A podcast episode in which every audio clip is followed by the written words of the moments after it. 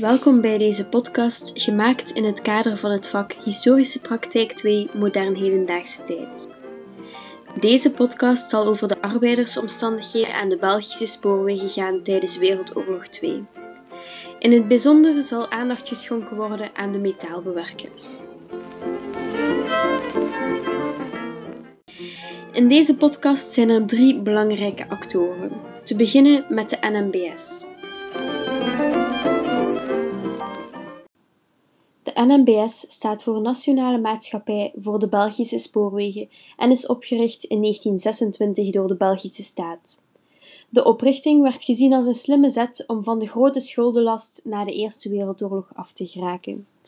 Wereldoorlog I had immers veel schade berokkend aan het spoorwegennet. De NMBS werd daarom een autonoom bedrijf waarin mensen zelf konden investeren. Een tweede actor is de overheid. Op 10 mei 1940 vallen de Duitsers binnen.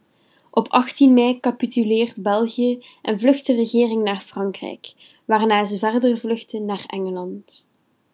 Wanneer België op 18 mei capituleert, wordt de politiek van het minste kwaad ingevoerd, ook wel de Galopin-doctrine genoemd. Dit houdt in dat België economisch meedraait met de bezetter op voorwaarde dat de industrie en productie niet ingezet worden voor militaire doeleinden. In ruil zouden de Duitsers voedsel voorzien en geen verplichte tewerkstelling in Duitsland opleggen. Ook de NMBS viel onder deze politiek van het minste kwaad. Maar al snel zal blijken dat de voorwaarden van de Galopin-doctrine in praktijk minder gerespecteerd worden. Een derde actor zijn de vakbonden. Wanneer de Tweede Wereldoorlog in 1940 uitbreekt, kennen de vakbonden al een lange bestaansgeschiedenis, immers van in 1814 te Gent. Hierna volgt een lange evolutie met vallen en opstaan. Wij springen alvast naar 1937. In 1937 ontstaat de Belgische Vakvakbond, ook wel BVV genoemd, uit de syndicale commissie. In 1937 krijgt de vakbondsorganisatie meer financiële middelen en meer zeggenschap. Zo kon de BVV algemene stakingen uitroepen. Het BVV was echter niet de enige vakbondsorganisatie in België op dat moment, maar voor deze podcast zal hier wel de focus op liggen.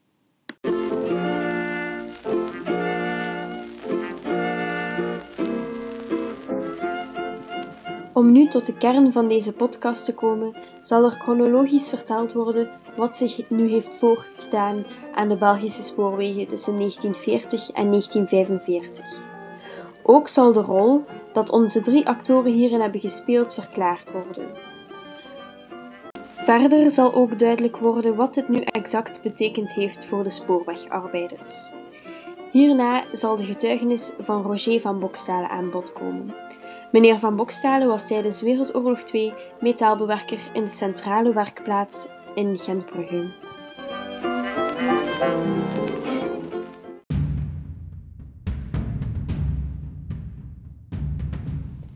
Ons verhaal begint aan de vooravond van de Tweede Wereldoorlog. De overheid heeft ondertussen door wat er staat te gebeuren en roept in 1940 in april alle jonge arbeiders tussen de 16 en 17 jaar aan de openbare diensten op om te vluchten naar Frankrijk, te fiets. Ook de vakbonden zaten niet stil. Wetende dat de Tweede Wereldoorlog eraan zat te komen, organiseerde de top van de BVV zich zo dat ze, zich dat ze nog steeds verder konden opereren. Ze trokken immers naar de kust voor mochten de Duitsers binnenvallen.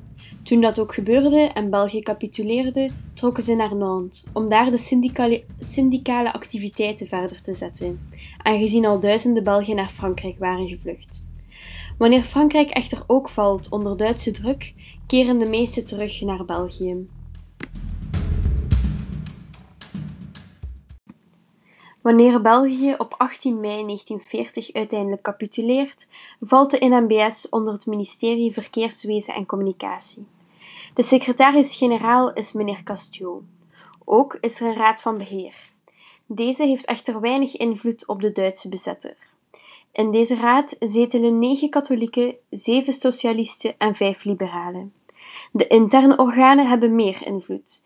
Hieronder vallen de algemene directie, de dienst personeel, het dienstmateriaal en de sociale dienst. Aan het hoofd van deze algemene directie staat directeur-generaal Narcisse Rulot. De exacte politieke kleur van meneer Rulot is moeilijk te bepalen. Wel heeft hij kritiek op het parlementaire systeem geuit net voor de Tweede Wereldoorlog uitbrak. Ook voert hij, de, voert hij de politiek van het minste kwaad tot het uiterste door. De actieve en verregaande samenwerking met de Duitsers ziet hij als een noodzakelijk kwaad. Zijn argumentatie is dat de voedselbedeling afhankelijk is van het spoor. En hoe meer arbeiders actief zijn in België, hoe minder de kans is op verplichte tewerkstelling in Duitsland.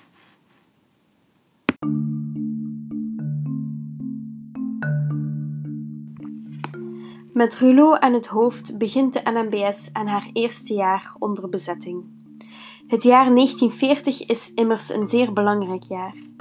De spoorwegen zijn direct topprioriteit van de Duitsers.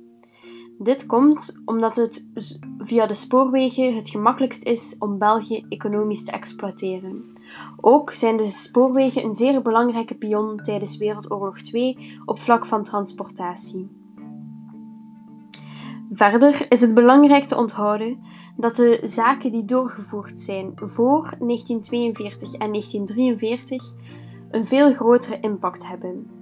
Dit komt omdat het dan nog niet duidelijk is dat de Duitsers uiteindelijk aan de verliezende hand zullen staan.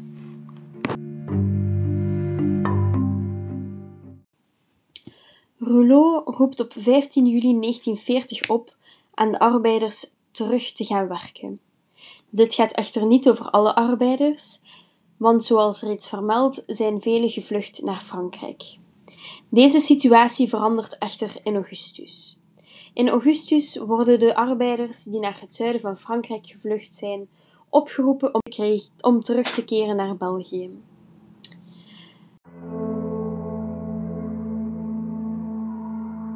Op 14 augustus voeren de Duitsers een verordening door op de Belgische spoorwegen. Deze verordening had verregaande gevolgen, maar is op geen protest gebotst binnen de Belgische overheid. Dit komt enerzijds omdat de verordening in lijn is met de oorlogsconventie van Den Haag, en anderzijds leken de gevolgen van deze verordening nog niet helemaal duidelijk voor de Belgische overheid. Deze verordening hield immers in dat de Duitsers een volledig exploitatierecht hadden op de NMBS.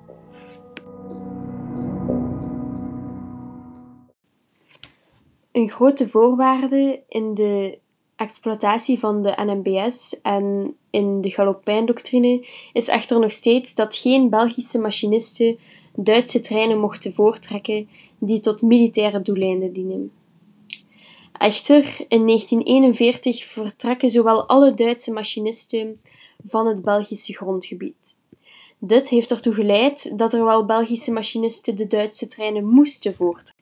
En aangezien in 1942 het eerste Jodentransport plaatsvond, zullen het ook geen Duitse machinisten geweest zijn die dit transport voorgetrokken hebben tot aan de Belgisch-Duitse grens.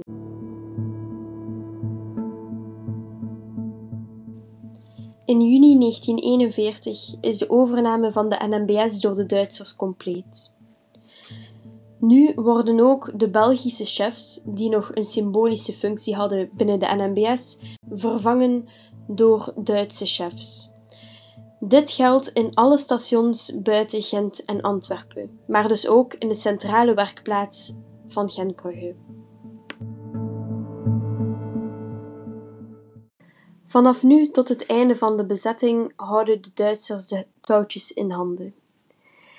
De NMBS-top laat zich echter niet volledig doen. In 1942 komt er protest op het groter aantal opeisingen van de Duitsers, namelijk zowel op locomotieven als arbeiders. Deze zouden naar Duitsland getransporteerd worden om daar te gaan werken. Het protest van de, van de NMBS haalt uiteindelijk weinig uit.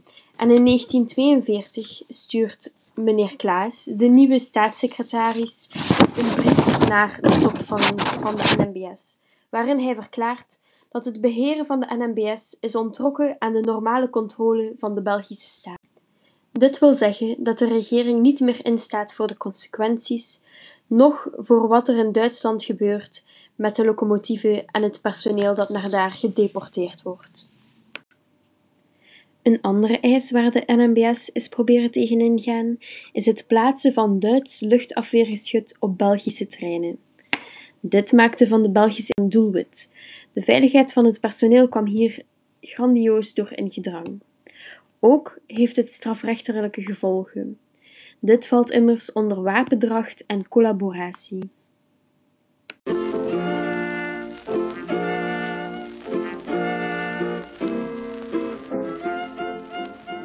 Nu we gekeken hebben naar hoe de NMBS heeft gereageerd op de Tweede Wereldoorlog, zullen we kijken welke houding de vakbonden hebben aangenomen.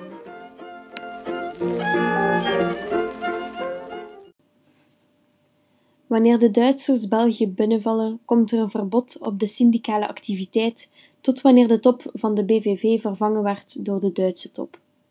Het doel was om de syndicale activiteit weer te hernemen, maar binnen de lijnen van de Duitsers en eerder als ontmanteling voor eventuele opstanden door de arbeiders. Vele arbeiders zijn hier in eerste instantie in meegegaan, onder andere onder invloed van Hendrik de Man, leider van de BWP, die opriep om geen weerstand te bieden tegen de Duitse bezetter. Niettemin volgde er veel protest tegen de Duitsers in de vorm van verzet, sluikbladen en sabotage, onder andere ook gepleegd door spoorwegarbeiders. Wanneer deze echter in handen vielen van de Duitsers, kende laatstgenoemde geen genade. En in 1942 werden alle vakbonden ontbonden. In plaats daarvan werd er een algemeen nationaal syndicaat opgericht, met natuurlijk onder directe controle van de Duitsers.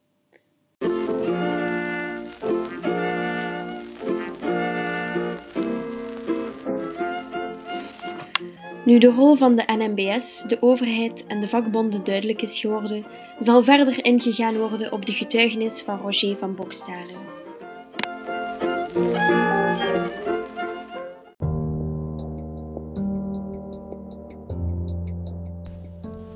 Ikzelf ben geboren op 5 mei 1923 in de Beersteeg nummer 15 te Gent. Het was een huurwoning, een vrij comfortabele eensgezinswoning. In mijn familie waren er hoofdzakelijk twee beroepen, namelijk spoorwegpersoneel en houtbewerker.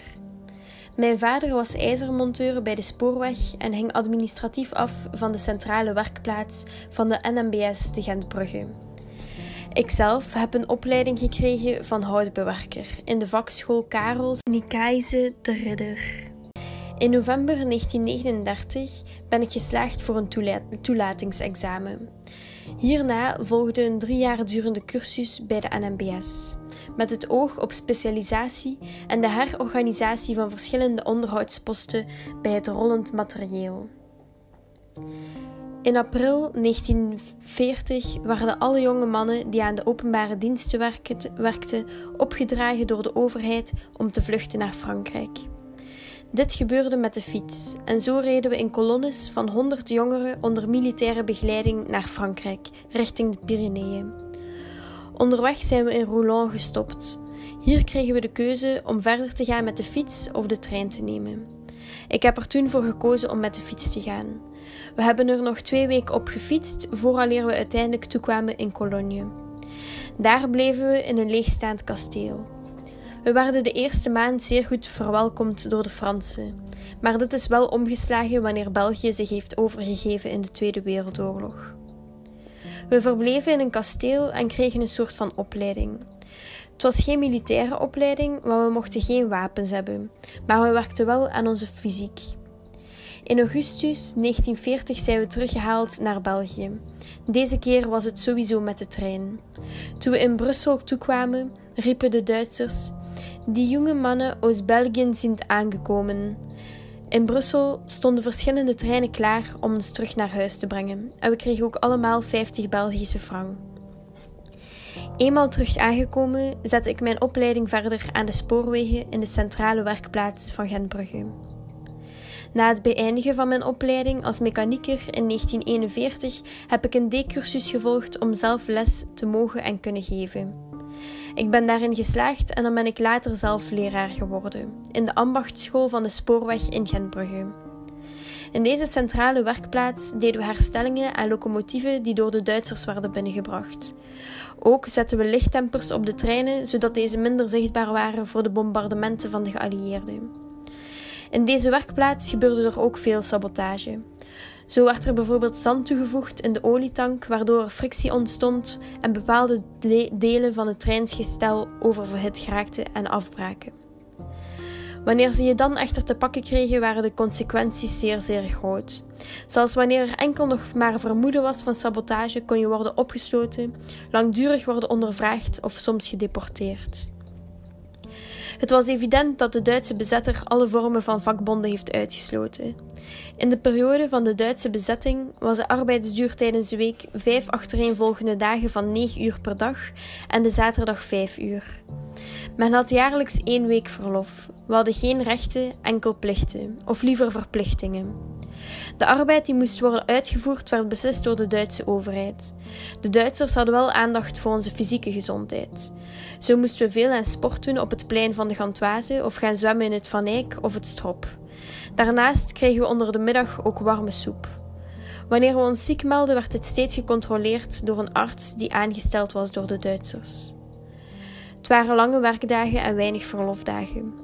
Over het algemeen waren de Duitse chefs oké, maar je moest altijd opletten met wat je zei of deed. De Gestapo liep immers ook rond en zij kenden geen genade. Wanneer het duidelijk was dat de Duitsers gingen verliezen en ze in 1944 vertrokken, was de spanning te snijden. Iedereen moest binnenblijven, want er werd geschoten op alles en iedereen die zich buiten bewoog. Uiteindelijk zijn we in Gent bevrijd door de Polen en de Canadezen.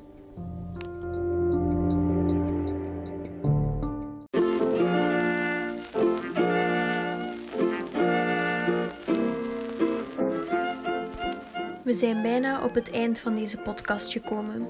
We zullen nu even recapituleren en de conclusies op een rijtje zetten. Voor de arbeiders aan de Vlaamse spoorwegen was de Tweede Wereldoorlog alles behalve een gemakkelijke situatie. De Belgische regering was gevlucht, de vakbonden de kiem gesmoord en in het hoofd van de NMBS stond een leidinggevende die de nieuwe orde gezind was. Dit leidde niet enkel tot zeer zware en lange werkdagen onder de bezetter, maar maakte van het spoorwegpersoneel ook een doelwit, aangezien stations vaak doelen waren van bombardementen. Ook het mentale aspect dat een arbeider verplicht wordt om lichttempers en afweergeschut ter plaatse in het voordeel van de bezetter moet zeer zwaar geweest zijn. De overheid heeft haar verantwoordelijkheid niet genomen. En hoewel de NMBS een poging heeft gedaan om bepaalde zaken te vermijden, hebben ze hun werknemers niet kunnen beschermen. Dit is ook duidelijk aan het cijfermateriaal waaruit blijkt dat spoorwegarbeiders naast militairen de meest kwetsbare groep waren tijdens Wereldoorlog 2.